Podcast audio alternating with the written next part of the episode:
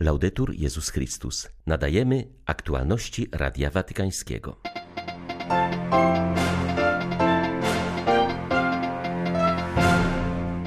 Papież Franciszek ogłosił konstytucję apostolską Predicate Evangelium, reformującą struktury kurii rzymskiej, czyniąc ją bardziej misyjną, tak by lepiej służyła kościołom lokalnym i ewangelizacji.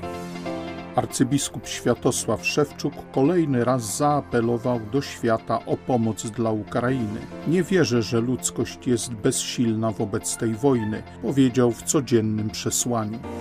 Od początku wojny pracownicy Caritas Ukraina i Caritas Spes udzielili pomocy 160 tysiącom osób, poinformował przewodniczący Caritas Internationalis kardynał Luis Antonio Tagle. 19 marca witają Państwa ksiądz Krzysztof Ołdakowski i Łukasz Sośniak. Zapraszamy na serwis informacyjny. W uroczystość świętego Józefa została ogłoszona nowa konstytucja apostolska o kurii rzymskiej oraz jej służbie Kościołowi i światu, Predicate Evangelium, która wejdzie w życie 5 czerwca w uroczystość zesłania Ducha Świętego. Nowa konstytucja nadaje kurii strukturę bardziej misyjną, tak aby w coraz większym stopniu służyła kościołom lokalnym i ewangelizacji. Dykasteria do spraw ewangelizacji i papieska rada do spraw nowej ewangelizacji zostaną połączone i prefektem będzie papież. Nowa konstytucja, będąca owocem długiego procesu rozeznawania, sankcjonuje drogę reformy, która już prawie w całości została wprowadzona w życie w ciągu ostatnich dziewięciu lat poprzez fuzje i zmiany, które doprowadziły do powstania nowych dykasterii. Powstaje dykasteria do spraw posługi miłosierdzia, reprezentowana przez Urząd Dobroczynności Apostolskiej, która otrzymuje bardziej znaczącą rolę w kurii. Dykasteria do spraw posługi miłosierdzia, zwana też Urzędem Dobroczynności Apostolskiej, jest szczególnym wyrazem miłosierdzia. Prowadzi we wszystkich częściach świata dzieło pomocy i wsparcia w imieniu papieża, który w przypadkach szczególnej nędzy lub innej potrzeby osobiście organizuje pomoc, czytamy w dokumencie. Inna fuzja dotyczy Komisji do Spraw Ochrony Nieletnich, która staje się częścią dykasterii nauki wiary. Zasadnicza część dokumentu dotyczy zasad ogólnych. W preambule przypomniano, że każdy chrześcijanin jest uczniem misjonarzem. Podstawową zasadą ogólną jest stwierdzenie, że wszyscy, a więc także wierni świeccy, mogą być powoływani do pełnienia funkcji kierowniczych w kurii. Nie zamykajcie serca na ból Ukrainy, bo kiedyś Pan Bóg powie: Byłem ranny na Ukrainie, a ty odwróciłeś ode mnie swe oblicze ostrzegał w codziennym orędziu arcybiskup Światosław Szewczuk. Po raz kolejny wystosował on dramatyczny apel do instytucji międzynarodowych i światowej opinii publicznej. Nie wierzę, mówił, że ludzkość jest dziś bezsilna wobec tej wojny. Razem możemy i musimy zatrzymać wojnę na Ukrainie. Nie bądźcie głusi na jęki i płacz tysięcy ludzi na Ukrainie. Otwórzcie przed nimi swoje serca. Zwierzchnik ukraińskiego kościoła grecko-katolickiego zauważył, że pokaźna część społeczeństw wychowała się na grach komputerowych. Istnieje więc ryzyko, że patrząc na to, jak Ukraina jest dziś krzyżowana, potraktują ją jako kolejną grę. Nie będą się przejmować straszliwym bólem narodu ukraińskiego. Dlatego przypomina on dziś o niezliczonej liczbie Ukraińców, zarówno cywilów, jak i żołnierzy, którzy zostali ranni na skutek rosyjskiej agresji. Musimy pamiętać w modlitwie zwłaszcza o naszych rannych żołnierzach, którzy w szczególny sposób noszą rany Ukrainy w swoim ciele, oddając swoje życie i zdrowie za naszą wolność. Pamiętajmy dziś o cywilach, którzy zostali dotknięci bombardowaniami, walkami ulicznymi i ostrzałem, i stali się ofiarami tej wojny. Pamiętajmy w modlitwie o tych, którzy znaleźli się pod gruzami domów, zniszczonych przez rosyjskie pociski i bomby. Pamiętajmy o rodzicach, którzy własnym ciałem osłaniali swoje dzieci i zostali ciężko ranni. Jeden z męczenników komunizmu, ksiądz Lesif, powiedział kiedyś: Nie bójmy się wpuszczać ludzkiego bólu do naszych serc, bo to on uczyni nas chrześcijanami. Dziś musimy umieć wczuć się, współczuć z tymi, którzy cierpią, w szczególności z powodu obrażeń, których doznali podczas wojny na Ukrainie. Obstawach wojny w Ukrainie.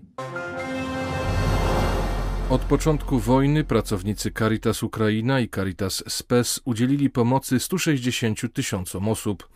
To wielkie dowody solidarności i człowieczeństwa, powiedział w rozmowie z Radiem Watykańskim przewodniczący Caritas Internationalis kardynał Luis Antonio Tagle. W obliczu wojny nadzieja chrześcijan musi być przede wszystkim w Bogu. Nie może jej zabić żadna broń, dodał Purpurat.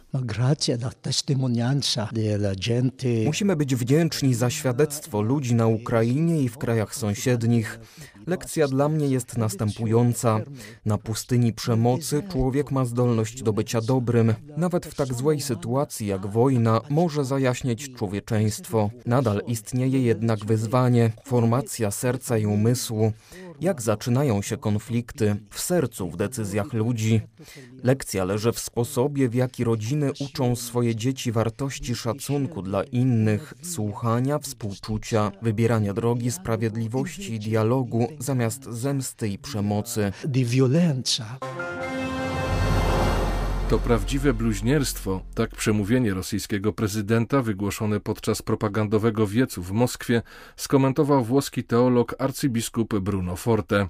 Chodziło o słowa z Ewangelii Świętego Jana: Nikt nie ma większej miłości od tej, gdy ktoś życie swoje oddaje za przyjaciół swoich.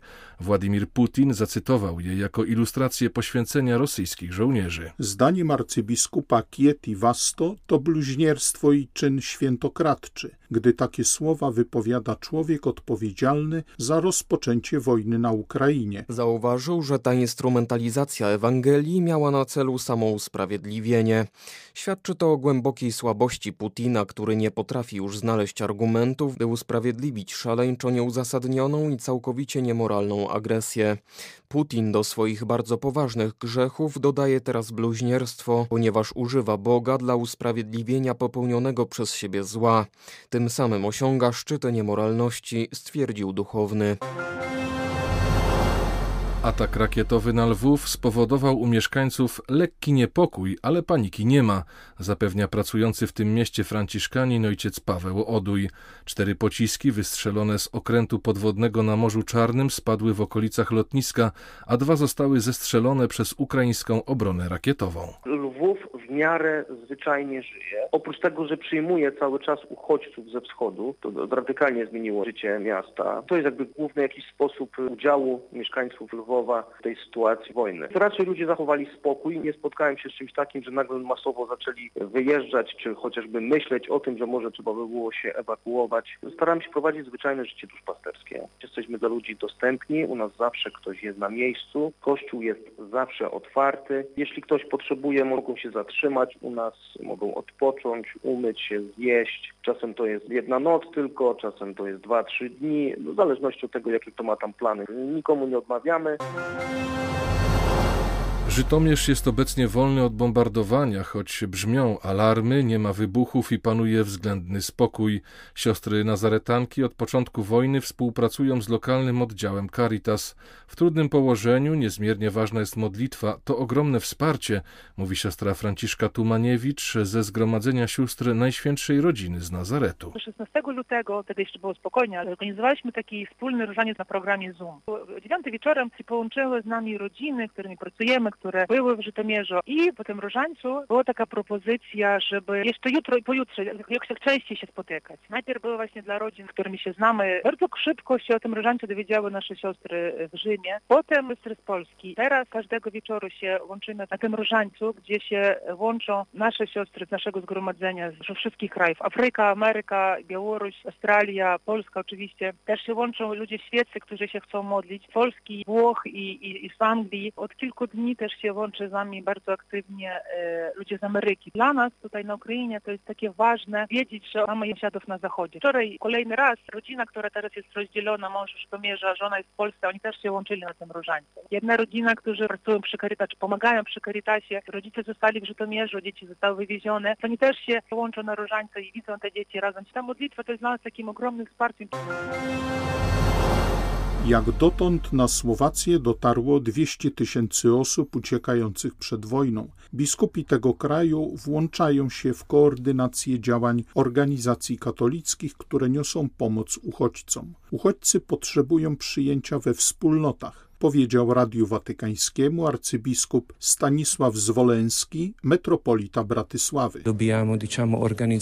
Dlatego obecnie trwają spotkania organizacji pomocowych, by ustalić jak najlepsze sposoby pomocy przybyszom. Spotykają się Caritas Słowacja, jej diecezjalne oddziały, Pomoc Maltańska oraz Wspólnota Świętego Idziego. W obrady włączają się biskupi. Postrzeganie uchodźców przez ludzi i polityków zmieniło się na przestrzeni lat. Wydaje się, że głównie dzięki pozytywnym doświadczeniom z osobami z Ukrainy, które od lat przyjeżdżają tu do pracy.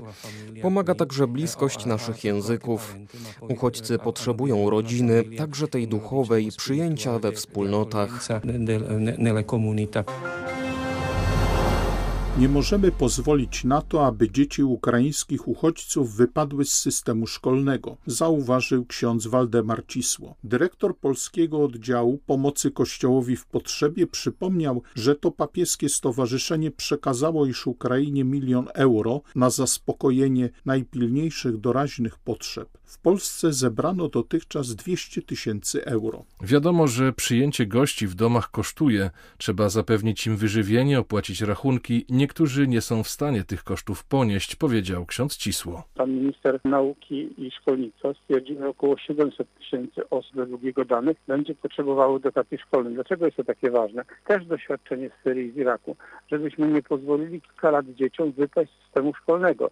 Jeżeli mamy te smutne doświadczenia chociażby z Aleppo czy z innych miast większych syryjskich, gdzie dzieci kilka lat pozostawały poza systemem szkolnym i potem już trudno wrócić do systemu szkolnego.